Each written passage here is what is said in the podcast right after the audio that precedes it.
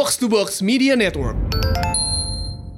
Udah satu tahun WFH, sekarang udah masuk bulan puasa lagi. Tahun kemarin ngerasa kesepian, sendirian gitu kan, galau, nggak bisa balik dan sekarang masih nggak bisa balik juga beberapa dari kita mungkin nggak bisa pulang kampung. Dan beberapa juga masih uh, di kampungnya bahkan nggak bisa balik ke kota asalnya buat bekerja. Susah juga ya kalau WFH kalau diingat-ingat lagi di tahun 2018 atau 17 ya ada sebuah tayangan dari Amerika Serikat yang menayangkan seorang bapak-bapak sedang uh, virtual conference.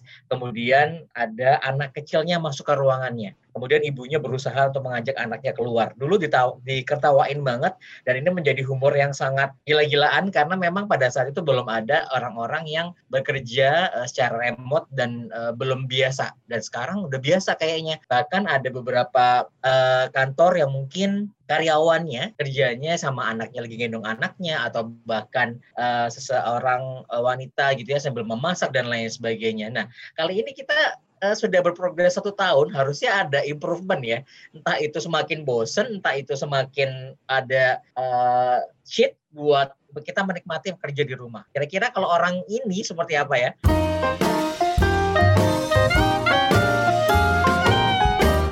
HRD Bandung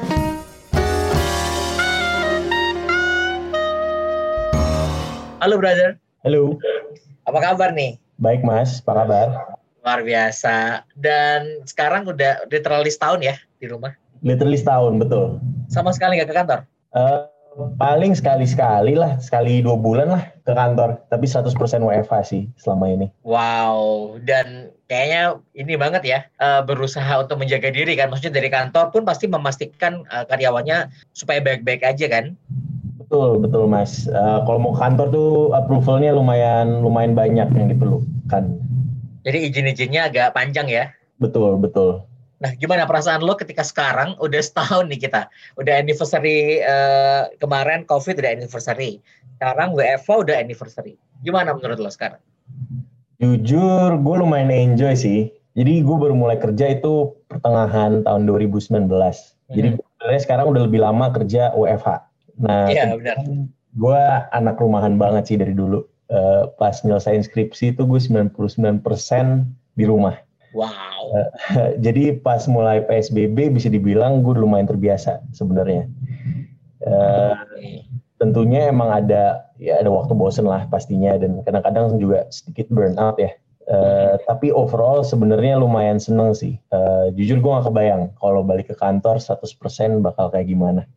Itu juga kepikiran di gue sih sejujurnya ini kita udah mulai dibiasakan kalau orang-orang bilang uh, kita punya tiga bulan atau kurang lebih sekitar 12 minggu untuk membiasakan diri dengan kebiasaan baru. Dan sekarang bahkan mungkin udah lebih dari tiga bulan, kita udah setahun lebih nih kondisi uh, kerja di rumah. Dan gue pribadi ngerasa gue menikmati sih jujur. Dulu awal-awal juga ngerasain bingung uh, harus ngapain ya gitu ya. Interaksi dengan orang juga minim banget. Terus sebagai orang ekstrovert gue nggak bisa untuk ngobrol secara leluasa gitu ya. Secara virtual pasti ada hambatannya dan kerasa nggak nyaman.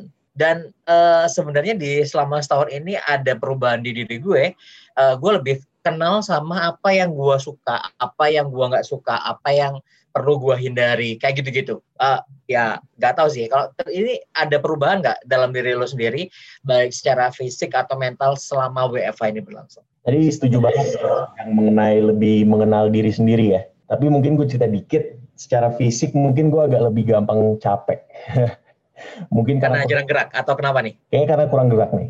Hmm, oke. Okay. nah kantor gue kan tadi gue cerita 100% WFH tapi ya sekali-sekali ketemu temen lah di kantor. Hmm. Nah kebetulan hari hari Jumat lalu itu kita FWFO, pas pulang itu gue tepar. Wow. Padahal lumayan nyaman sih naik kendaraan sendiri. Jadi kayak uh, uh, emang udah jadi kebijakan kantor uh, nggak boleh naik transportasi umum. Mm-hmm. Padahal dulu sebelum pandemi tiap hari gue naik transportasi umum dan gue udah nggak kebayang kalau tiap hari harus kayak gitu kayak gimana pasti capek banget. Mm-hmm. Nah, kalau yeah. secara mental mungkin gimana ya gue emang anaknya lumayan introvert sih. Jadi walaupun emang suka bersosialisasi tapi emang dari dulu tuh ada limitnya. Abis lewatin limit itu jadi capek banget. Uh, kesedot semua tenaganya ya? Iya iya bisa dibilang gitu. Nah karena gue satu satu tahun terakhir ini interaksinya lumayan dikit mungkin limit gue juga ikutan turun kali ya. Hmm nggak se ini ya, nggak seperti yang sebelum-sebelumnya dan mungkin perasaannya jadi agak seneng sebenarnya ya anak-anak introvert ini sebenarnya menikmati banget WFH sejujurnya. Karena bisa menikmati dirinya di rumah dan uh, tenaganya juga bakal lebih banyak penuh terus gitu. Kayak Bener, extrovert yang akhirnya agak susah nih kayak hamba nih susah banget. Kalau dia ngajak jalan gitu ya bilanglah uh, tentunya PSBB tapi uh, gue nggak mungkin bilang nggak karena gue emang seneng tapi nggak kayak dulu sih yang bisa terus-terusan gitu. Hmm, hmm, hmm. iya benar benar benar benar. Dan juga ini kondisi kayak gini uh, ada yang uh, orang-orangnya hebat, orang-orang yang masih bekerja dan kantornya WFH terus dan mereka pakai umum itu orang-orang hebat dan mereka nggak sampai sakit. Gila nggak? Benar sih. Kan ada potensi yang lebih besar bahkan mungkin uh, presentasinya lebih besar daripada kita yang di rumah gitu. Tapi mereka nggak terpapar dan mereka masih bertahan sampai sekarang dan mereka masih WFO uh, eh, mungkin ada keirian juga ya kayak kejadian kemarin Jakarta sempat macet parah hujan petir banjir kemudian di beberapa daerah kayak Kuningan terus uh, daerah di Cilandak dan beberapa daerah lainnya macet akhirnya mereka nggak bisa pulang cepat. Juga agak shocking sih setelah sekian lama uh, jarang macet yang parah, jarang di jalanan karena hujan, tiba-tiba kena hujan, itu juga bikin nggak nyaman juga. Kalau lo di posisi kayak gitu gimana ya bro? Wah, gue jujur nggak kebayang sih. Gue salut banget. Kebetulan minggu lalu gue juga ngerasain sih macetnya di Jakarta kayak apa. Hmm. Dan ya gue tinggal di mana ya? Ya sorry, gue tinggal di Bintaro dan selama pandemi ini jujur rasanya ke mana-mana rasanya cepet gitu. Ya kan? Nggak, nggak banyak macet gitu, tapi, tapi mendadak macet itu bikin burning juga sih. Makanya, makanya jadi keinget Jakarta yang yang dulu gitu. Uh-huh. Jadi uh, benar-benar nggak kebayang sih mas. Oke. Okay. Tapi apa aja nih yang bisa dilakukan, yang lo sendiri lakukan biar lebih efektif selama kerja di rumah dengan hampir satu setengah tahun ini? Gue ada tips and tricks sedikit nih kayaknya. Hmm apa tuh? Yang pertama itu menurut gue penting banget untuk bikin boundary antara jam kerja dan waktu istirahat. Nah, eh, nah ini bisa menurut gue bisa meditasi, bisa olahraga, bisa makan malam, bisa mandi, tapi yang penting ada boundary-nya. Nah ini menurut gue kedengarannya mungkin ada yang nggak penting ya, tapi pas gue kerja itu gue selalu pakai celana panjang. Terus pas udah hmm. selesai baru gue pakai celana pendek. Gue tahu bahkan ada orang yang selama jam kerja itu pakainya kemeja pas selesai dia pakai kaos gitu. Dan menurut gue itu bantu banget. Pokoknya harus ada cut off di mana kerjaan udah nggak dipikirin lagi. Tapi pas jam kerja, walaupun mungkin bisa lebih fleksibel ya uh, uh, kerjanya, diusahakan benar-benar produktif banget gitu, benar-benar gas. Itu yang pertama sih, Bas. Oke, okay. terus yang kedua? Yang kedua, ini gue ngerasa kayak guru gitu nggak sih yang kayak coach coach gitu tapi ini beran ini gue karena gue gue ini banget sih gue believe banget sih sama tips-tips ini uh. yang kedua tuh invest dalam barang-barang yang ningkatin produktivitas Hmm, misalnya. Jadi selama PSBB kebetulan gue emang agak lebih hemat dari segi transport dan makanan. I hmm. consider myself very lucky. Uh, uh, tapi bisa dibilang dua ini transport sama makanan tuh dulu pemasukan gue sebagian besar ke sana lah. Mm-hmm. Nah, habis gue nabung, lama-lama gue mulai beli keyboard, uh, monitor, kursi kantor, biar bener-bener rumah gue rasanya kayak workspace. Hmm, Jadi okay. cewek, gue ngerasa kerjaan gue lebih efektif sih. Wah ngaruh juga ternyata ya kalau misalnya punya kursi kantor juga. Iya, karena ini sih pas di awal-awal tuh gue inget banget pas mulai WFH di WhatsApp tuh sering ada yang sebar kayak tips-tips ergonomis gitu. Ingat mm-hmm. pernah dapat nggak mas? Dapat dapat dapat dapat dapat itu penting sih. Kalau maksudnya kita kalau udah mulai dalam apa ya, kalau posisi kita posisi itu kita bener tahun yang lalu, pasti efeknya terasa sekarang sih. Dan kalau maksudnya kalau posisinya salah dari setahun lalu terus kita lanjutin setahun terakhir ini, ya dampaknya pasti terasa sih mas. Hmm, oke oke oke oke oke. Jadi itu juga menjadi salah satu kunci juga ya, investasi di barang-barang juga yang mendukung pekerjaan kita sebenarnya ya. Kenapa keyboard? Keyboard, no mungkin karena emang emang pengen jadi kayak semacam hobi juga kali ya. Tapi gue suka ah. banget sih ah. namanya mechanical keyboard. Ah, oke okay, oke okay, oke. Okay. Kalau keyboard semakin clicky gitu, gue makin suka. Oh oke. Okay. Berarti yang gede banget ya? Kebetulan gue gue punya yang full size gitu yang sampai ada nomor nomornya tuh yang ada Wow. Tapi itu memang ya kalau itu menunjukkan pekerja after pekerjaan kali ya. Biar iya, nggak suatu kerjaan pakainya keyboard. Kalau pakai Excel tuh rasanya kayak pro banget gitu. Oh rasanya udah oh maksimal jadi diri sendiri gitu ya? Iya bisa dibilang gitu mas. Oke, okay. udah bikin lagu berapa kira-kira selama WFH? Berapa? Udah bikin berapa lagu selama WFH? Ini kayaknya keyboardnya, sorry mas, maksud aku keyboard ngetik. Keyboard ngetik baik. Rekaman gue adalah keyboard gue gak bisa main, gue gak bisa main piano. sih. Tapi gue bingung keyboard number itu gimana. Kayak gue ya gak konek guys. Ya. sampai ada. Tapi jujur ya, gue nangkepnya keyboard, keyboard musik. Oke, okay, fine. Ini parah, parah, parah.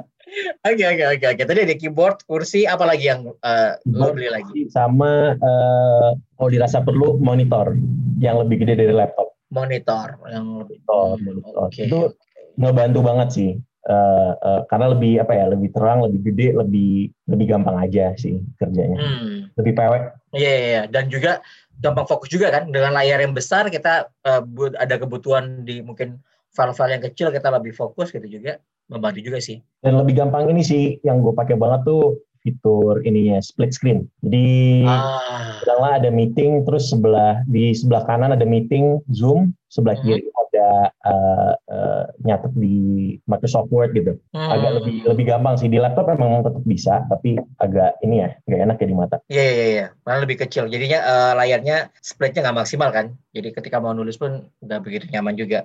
Oke, okay. tadi yang pertama uh, berhubungan dengan membatasi waktu dan itu membantu lo banget uh, untuk bisa improve macam-macam dan nggak ngerasa kayak kerjaan ini dragging lo. Yang kedua dengan adanya tools yang lainnya yang dibeli yang support pekerjaan. Berikutnya ada lagi nggak? Ada nih terakhir, terakhir nih kayaknya. Hmm. Uh, yang ketiga adalah weekend harus dimaksimalkan sih mas. Nah itu gimana tuh maksimalkan? Itu susah banget sih buat orang-orang yang takut keluar tapi uh, dia harus di rumah tapi weekend gitu ya. Kayak gemes banget bingung harus ngapain kudu apa ini? jadi uh, sebenarnya awalnya karena gimana ya weekend kan juga di sempat bener di rumah aja ya. Mungkin sekarang sekarang bisa sekali-sekali keluar lah. Tapi uh, eh, gue ngerasa kalau weekend wasted atau bener-bener kayak nggak ngapa-ngapain bongong doang tuh agak agak apa ya uh, agak ngerusak feeling pas weekday sih, pas udah hari Senin lagi. Hmm. Uh, Sebenarnya bisa bisa gimana aja sih? Kayak contohnya gue waktu pernah weekend di rumah aja, tapi gue bikin kayak watch watch list gitu untuk Netflix. Wow. Jadi, walaupun cuma kerjaan nonton doang, gue ngerasa kayak oh gue achieve something nih gitu. Hmm. Atau mungkin bisa olahraga juga. Pokoknya bikin apa ya kayak ya jadwal kecil-kecilan lah buat weekend. Biar rasanya kayak oh gue ngerjain ini gitu pas Jadi menikmati juga ya sebenarnya weekendnya ya, meskipun nggak keluar rumah juga sebenarnya. Betul, soalnya kalau orang-orang kayak gue, kalau nggak direncanain tuh rasanya akhirnya bakal bengong doang gitu. Hmm, overthinking? Uh, overthinking mungkin kebanyakan YouTube juga, YouTube YouTube nggak nggak penting itu nggak yang tiba-tiba jam gitu. Iya iya iya iya iya. Ya. Kalau gue pribadi kalau misalnya pas lagi gak ngapa-ngapain dan udah gak punya jadwal kerja udah kelar, gue gak mau megang kerjaan, sering kali overthinking sih sejujurnya. Ini agak ganggu mengusik uh, sanubari karena nggak pernah banget sebelum-sebelumnya punya overthinking gini terus tiba-tiba rasa kok rasanya kayak gini ya, kok nggak nyaman ya gitu-gitu loh. Jadi muncul-muncul hal-hal kayak gini. Ya, tapi nggak sering. Jangan sampai sering. Ganggu banget.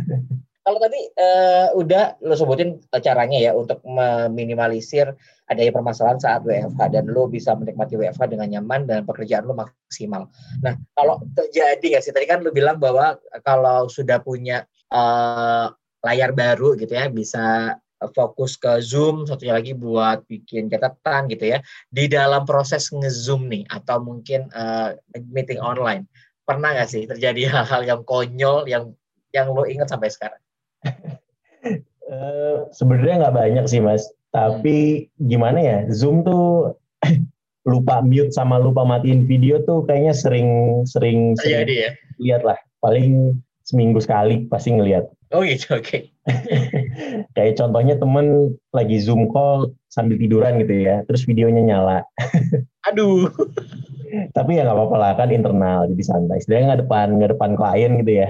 Iya, bener, bener, bener, bener. Itu gak lucu sih. Yang bikin gue parno sih paling lupa mute sih. Maksudnya kalau background noise nggak sengaja kedengeran ngomong sama orang lain masih nggak apa-apa. Tapi uh, gue banget gue pernah lupa pernah lupa mute pas gue mendengarkan berita yang agak shocking gitu ya. Huh? Terus ya karena gue kaget gue kayak agak dramatis gitu lah karena gue pikir gue mute. Kita nggak di keluar kata kata mungkin keluar kata kotor gitu ya. Uh, uh, satu. Dan gue baru tiba-tiba gue sadar kayak lima menit kemudian bahwa gue lupa mute. Aduh. Tapi nggak ada yang komen jadi kayak ya udahlah ya. Mungkin gak ada yang dengar. Mungkin ada ada yang komen tapi dibahas di belakang nih pasti. Kenapa gak ada yang komen tapi dibahas di belakang. Uh, kayaknya kemungkinan besar gitu kali ya mas. Ini salah satu salah satu alasan kenapa lo direkomendasikan buat ngobrol sama gue sekarang mungkin karena itu. Mungkin mungkin mungkin mas. Ya iya sih benar-benar. Karena kejadian-kejadian yang kayak gitu nggak bisa di ini ya. Iya dan gue maksudnya gue bukan orang yang ini ya bukan orang yang uh, ya setidaknya gue tidak I don't consider myself overly dramatic. Gue juga kalau di kantor WFO nggak mungkin kayak gitu. Tapi karena udah kepewean kali ya di rumah, jadi kayak bebas itu. bebas gitu kan rasanya. ya, ya gitu deh. Kalau gue pernah ada kejadian. Jadi eh, partner gue kerja itu lagi mau meeting. Kemudian pas meeting itu eh, ngobrol-ngobrol, uh, terus kemudian dia kayak membicarakan suatu hal, terus dia kayak shock gitu dan keluar kata-katanya adalah nama seseorang gitu ya. Anggap aja namanya adalah Pandu gitu ya. Pandu gitu misalnya. Dan yang diajak meeting itu namanya Pandu. Mati loh. itu adalah ada adalah salah satu orang, salah satu yang mau dijadiin klien. Kayak gimana ya? Tapi karena nggak sadar kan, maksudnya ada hal-hal yang responnya kita nggak sadar karena kita nggak bertatap muka secara langsung gitu ya. Benar, uh, benar. Gue sih ngerasa nggak bertatap muka secara langsung ini berpengaruh pada saat kita juga bertindak. Kalau kita ketemu langsung nih kan ya, uh, kita ketemu langsung uh, ngobrol kemudian uh, kita tahu bahwa dia adalah calon klien kita, kita pasti kan bersikap sebaik mungkin kan. Benar. Kalau di Zoom nggak ada, ada tetap berusaha bersikap sebaik mungkin. Apalagi kalau orangnya ngomong tapi nggak menggunakan kamera gitu ya, itu kan berarti kan intensitas kita untuk menjaga dirinya kadang-kadang kelepasan gitu loh. Dan itu sering banget terjadi sih. Selain kejadian-kejadian kita tadi juga pasti uh, teman-teman yang dengerin sekarang ada kejadian kayak gitu. Nah, kalau yang teman-teman yang lagi dengerin sekarang uh, ada kejadian kayak gitu juga yang konyol juga boleh coba tulis di komen uh, di Instagramnya box to box ya. Gue pengen tahu kira-kira ada kejadian apa sih di dalam Zoom kalian atau ketika uh, kalian sedang meeting secara online pernah juga ada kejadian ini parah banget sih menurut gue. Uh, ini bukan meeting sih, sekolah online. Hmm. Kemudian si anak ini izin ke toilet. dia ke toilet, tapi nggak dimatiin videonya, toiletnya kelihatan dong. Dan oh, dia nggak ke pintu. Oh my god. Jujur gue nggak paham, meskipun jauh, meskipun jauh, tapi tetap aja kan. Mesti kayak lu nggak nutup pintu, terus itu kan nggak enak ya itu sama orang banyak ya bagaimanapun uh, kita kan ingin membuat suasana privasi tapi jadinya nggak privasi lagi. Gak yakin sih itu nggak jadi bahan uh, apa namanya kecengan teman-temannya pasti jadi bahan sih. gue gak enak karena gue membayangkan ada di, di, di situasi itu adalah di gue gitu. Bersyukurnya tempat gue kerja agak jauh sama kamar mandi dan itu nggak akan terjadi.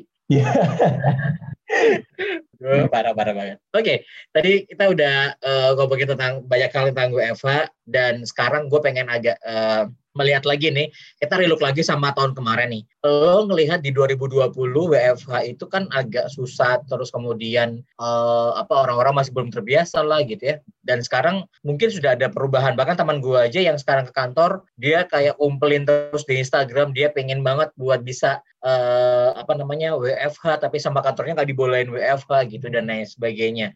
Belum lagi ketambahan yang macet kemarin itu hujan, macet dan sebagainya bikin dia pengen banget WFH. Ada nggak sih kira-kira menurut lo tren terbaru di dunia kerja yang tercipta selama WFH ini? Mungkin untuk tren baru selama masa WFH yang mungkin ke depannya bakal lanjut ya, uh-huh. pikiran dua. Yang pertama sih kayaknya setidaknya di sektor gua nggak akan 100% WFO sih sampai pun semua orang udah divaksin dan pandemi ini hilang gitu. Mm-hmm. Uh, kayaknya feeling gue company-company akan ngelihat kalau sebenarnya WFH ada benefitnya juga. Karena setidaknya gue sebagai employee ngelihat emang ada ada ada benefitnya sih. Uh, kadang-kadang bahkan gue lebih produktif gitu. Bukan kadang-kadang sih, bahkan sehari-hari sebenarnya gue bisa bilang gue lebih produktif. Di rumah daripada di kantor? Di rumah daripada di kantor. Mungkin itu gue aja ya, tapi hmm. ya gue yakin banyak orang juga ngerasa kayak gitu sih. Uh, hmm Terus yang kedua, yang mungkin bahkan sebelum pandemi udah di udah menjadi fokus juga ya. Mm-hmm. Sebenarnya fokus on mental health sih. Um, kayaknya pandemi ini jadi semacam trigger uh, untuk hal ini menjadi jadi apa ya uh, topik yang sangat ditekankan di di workplace tidaknya. Uh, jadi kayaknya ke depannya mungkin company-company akan uh, lebih mengutamakan mental health atau setidaknya berupaya untuk ini kali ya cek setidaknya untuk check up on uh, employee-employee-nya mental health-nya kayak gimana. Ya benar benar benar benar. Ini juga gue sempat kepikiran karena mendadak uh, setelah WFH itu banyak banget isu mental health yang naik. Beberapa temen itu pernah cerita bahwa dia tiba-tiba ngerasa badannya nggak nyaman, padahal dia nggak lagi sakit gitu ya. Pas diperiksa ternyata uh, dia nggak apa-apa. Ya psikosomatis ternyata gitu. Ada lagi yang dia karena uh, takut misalnya ada pekerjaan dia nggak achieve gitu ya dia jadinya anxiety gitu. Dan banyak bermuncul yang lainnya. Karena mungkin belum terbiasa juga dengan situasi baru kali ya. Betul betul sih mas. Hmm, agak kaget juga gitu. Jadi dipaksakan dirinya untuk bisa ngikutin ternyata dirinya nggak bisa ngikutin. Dan akhirnya ketembaknya di mentalnya dia. Ya juga sih. Kemudian kalau misalnya ngomongin tentang eh, nggak uh, semuanya ke kantor itu beberapa kantor juga bahkan sekarang sudah uh, ada yang uh, mencanangkan full remote working. Jadi mereka nggak bakal ke kantor lagi. Iya. Yeah, yeah. Tapi tapi kerasa gini nggak sih kalau misalnya nggak ke kantor lagi, kantor itu kan tempat yang dimiliki oleh seorang uh, employee dan dia merasa kayak bangga ketika dia memiliki kantor gitu. Dan sekarang benar, mereka nggak harus ke kantor. Beberapa orang mungkin ngerasa enak di rumah beberapa mungkin akan tetap ke kantor sih menurut gue. Benar benar. Maksudnya gue suka sukanya dengan WFH ya. Gue masih looking forward sih uh, hmm. sampai nanti kita bisa bebas WFO tapi emang menurut gue ke depannya perlu ada balance itu aja sih WFH sama WFO kali ya nggak semuanya harus di kantor terus gitu ya? Nggak semuanya harus kantor terus, tapi tetap aja gue mau sih kantor. Mungkin gue gue aja yang BM kali ya.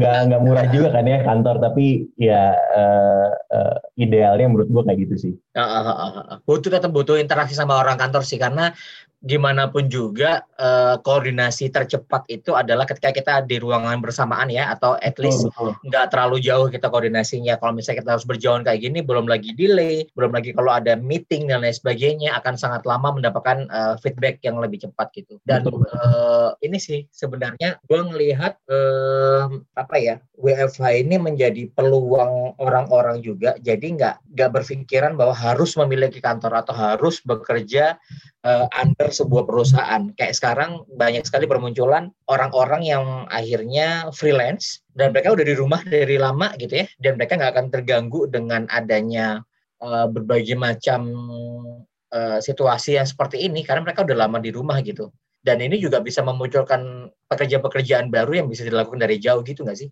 Benar, benar banget mas. Ini gue pengen tahu juga nih, apakah tahun depan orang-orang masih menikmati WFH atau udah mulai bosan?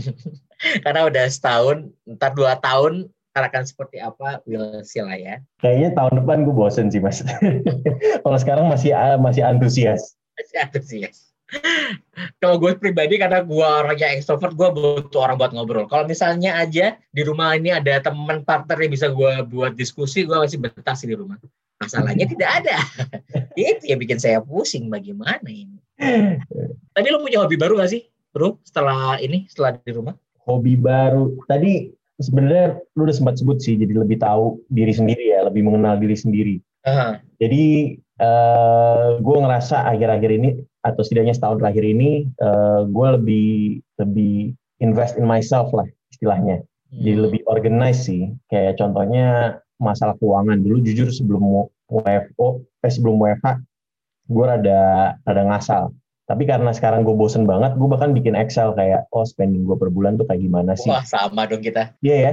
Yeah. gue bukan orang dari dari basic ekonomi tapi gue jadi mikirin gitu kayak gue di rumah gajian tetap aja duitnya uh, meskipun ada tabungan gitu ya, tapi kalau nggak banyak-banyak amat ya, gue ke mana sih larinya? Ternyata gue doyan makan, ternyata gue pola gue itu gue suka pesan online dan pola-pola gitu ini gue ah, ini harus dikurangin nih, ini harus hilangin nih, bener, gini, bener, bener. Pala sadar diri itu ininya. Nah gue mungkin kelihatannya kecil ya, tapi kayak gue ngerasa itu achievement gue dalam setahun terakhir ini sih. Kayak maksudnya ini good aja sampai ke depannya mau ada pandemi nggak ada pandemi bakal useful sih. Dan kebetulan bulan ini pas tahun gue terapin kayak benar-benar kayak rajin bikin apa ya kayak spreadsheet lah atau catatan setidaknya uh, mengenai tentang spending gue. Hmm, oke okay, oke okay, oke. Okay. Ya itu hobi baru ya kita mengatur keuangan dengan baik gitu ya. Tapi kalau hobi yang lebih fun mungkin gue ngikut-ngikutin orang aja sih kayak pas sepedaan jadi ngebum lagi. Ah, uh, iya iya iya. Kebetulan gue ada sepeda sepeda fiksi dari tren yang sebelumnya, dari 10 tahun yang lalu. Itu wow. Iya iya yang nggak ada remnya ya? Iya nggak yang nggak ada remnya. Gue sih pasang ya. Iya pasang juga. Kayak jadi fiksi dong. Eh, rem depan rem depan. Oke okay, oke. Okay. Terakhir Tapi, nih sebelum gue close. Gimana mas? Di bayangan lo uh, di masa mendatang akan seperti apa? Di masa mendatang akan seperti atau setahun lagi lah kira-kira kondisi WFH ini akan berubah seperti apa? Jujur gue ngebayanginnya masih mayoritas yang emang sekarang WFH bakal tetap WFH sih. Tapi hopefully ya dengan dengan uh, vaksinasi juga udah mulai bisa masuk. Nah, gue ngarepinnya sih setahun dari sekarang udah bisa yang tadi gue bayangin sih, yang uh, mungkin ada balance antara WFH dan WFO. Mungkin belum 100% WFO-nya, uh, tapi nggak apa-apa, malahan ada positifnya kali. Kira-kira ya, gitu ya, sih, Mas. Oke oke oke, gak ada gak ada. Thank you banget udah sharing nih hari ini. Gue pengen tahu juga perkembangan lo setahun ke depan. Siapa tahu kita bisa bikin lagi podcast di tahun depan dan materinya masih sama tentang WFH, tapi ada perkembangan baru lagi nih. Siapa boleh, tahu lo tiba-tiba uh, terjerembab di dunia lab dan lo ternyata bisa menemukan vaksin baru gitu ya. ini of nowhere banget sih. Tiba-tiba yang lo awalnya berhubungan dengan orang konsultan gitu ya, kemudian di, di lab ya, bonus kan? kan keahlian orang bisa bermunculan dan karena WFH ini jadi semua semakin kreatif gitu maksudnya. Betul betul. Mm-hmm. Oke deh, thank you banget. Kita akan ngobrol lagi ya bro ya. Uh, berikutnya jangan lo gak, jangan bosan dong buat ngobrol sama gue ya. Gak akan, gak akan mas. gue tunggu uh, itu lagi berita seru lagi dari Zoom berikutnya ada apa lagi ntar.